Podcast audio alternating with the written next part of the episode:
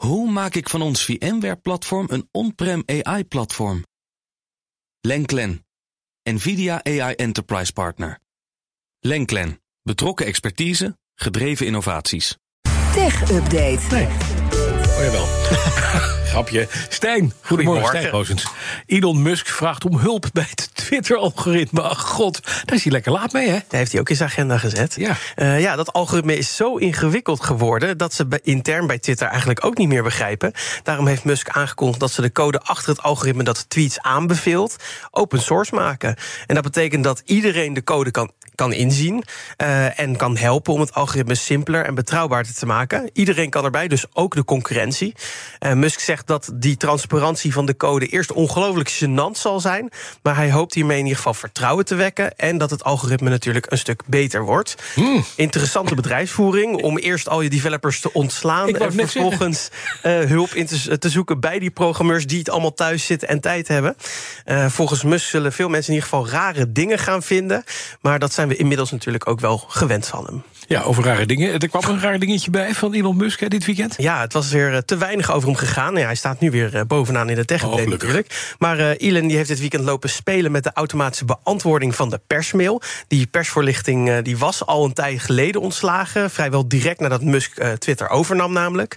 En als je nu een mailtje stuurt naar de pers persmail... dat hebben Ivan en ik nog even ge- geprobeerd Gewoon, net. gewoon, press.twitter.com, toch? Ja, dan krijg je heel snel antwoord Oh. eh, met een automatisch mailtje. Maar je hebt er niet heel veel aan, want het automatische antwoord op de mail is een poep-emoji.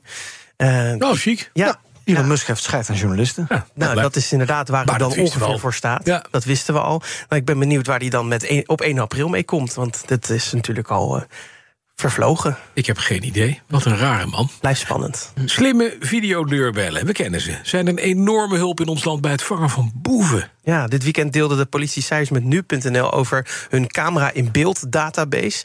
In die eh, database staat een overzicht van inmiddels 314.000 beveiligingscamera's in Nederland die de politie kan raadplegen. Ja, dat is, Daar- maar er zitten dus ook gewoon particulieren. Ja. Je kan dat ook zeggen van politie, kijk mee. 55.000 camera's zijn gewoon van burgers. En dat zijn dan bijvoorbeeld slimme eh, videodeurbellen. Ja, eh, maar ook gewone beveiligingscamera's die mensen aan hun huis hebben hangen. 23.000 camera's zijn van de politie zelf. Die hebben ze zelf Hm. langs de openbare weg staan. En het grootste deel is van bedrijven. Gewoon beveiligingssystemen van bedrijven. 236.000 camera's.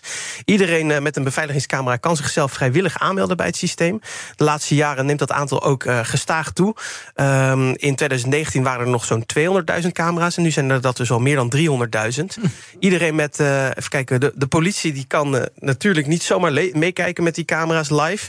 En die weet ook niet van wie die camera is. Het kan beelden enkel opvragen via de databank als er een groot belang is.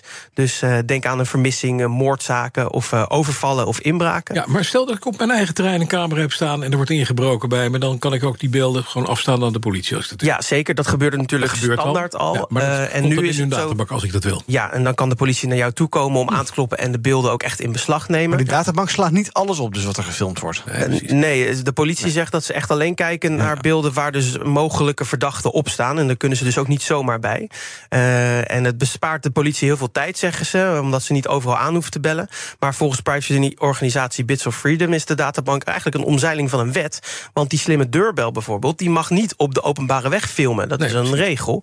Eh, dus de politie die gebruikt eigenlijk onrechtmatige beelden voor die opsporing. Precies, dat is onrechtmatig verkregen bewijs. Ja. Dat zou worden afgeschoten. Nou, Ja. we gaan het zien.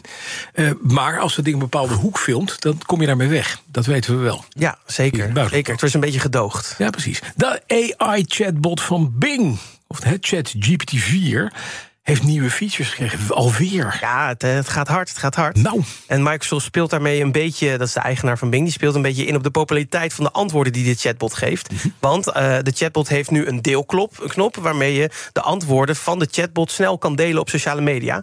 Anderen kunnen dan het antwoord zien en zelfs doorgaan met het gesprek op basis van dat antwoord. Oh, dat is mooi. Dan kan je die hele social media kan je helemaal wegparkeren bij chatbot GPT. En dan hoef je er zelfs niets meer aan te doen met Twitter. Dat is mooi van Musk. Kun je ook elkaar gaan beantwoorden? Ja, de- Ja, Ja, inderdaad. Nou en maar stel je hebt bijvoorbeeld een lekker receptje of zo... wat die chatbot eh, gegeven heeft aan je. Dan kan je die delen op internet. En dan kunnen jullie daar weer op doorvragen. En dan kunnen jullie gaan vragen... joh, maak die dan vegetarisch voor mij. Mhm. Of eh, nou ja, er zullen vast nog wel hele andere leuke dingen uitkomen... Hoor. als Hoe is dat met gebruikers, eh, mensenvlees? Ja, ik ben benieuwd of hij daar inmiddels Extra mensenvlees. met GPT-4 nog antwoord op geeft. En verder kan de chatbot nu weer eh, meer vragen per gebruiker beantwoorden. Dat werd vorige maand nog door Microsoft teruggeschroefd naar vijf vragen per sessie. Omdat de chatbot een beetje verward raakte van eh, een te lang gesprek. En nu kun je weer maximaal 15 vragen stellen per sessie. Ja. En zelfs 150 per dag. Dus eh, ja, het laat ook zien dat Microsoft een stuk meer vertrouwen heeft in die chatbot tegenwoordig.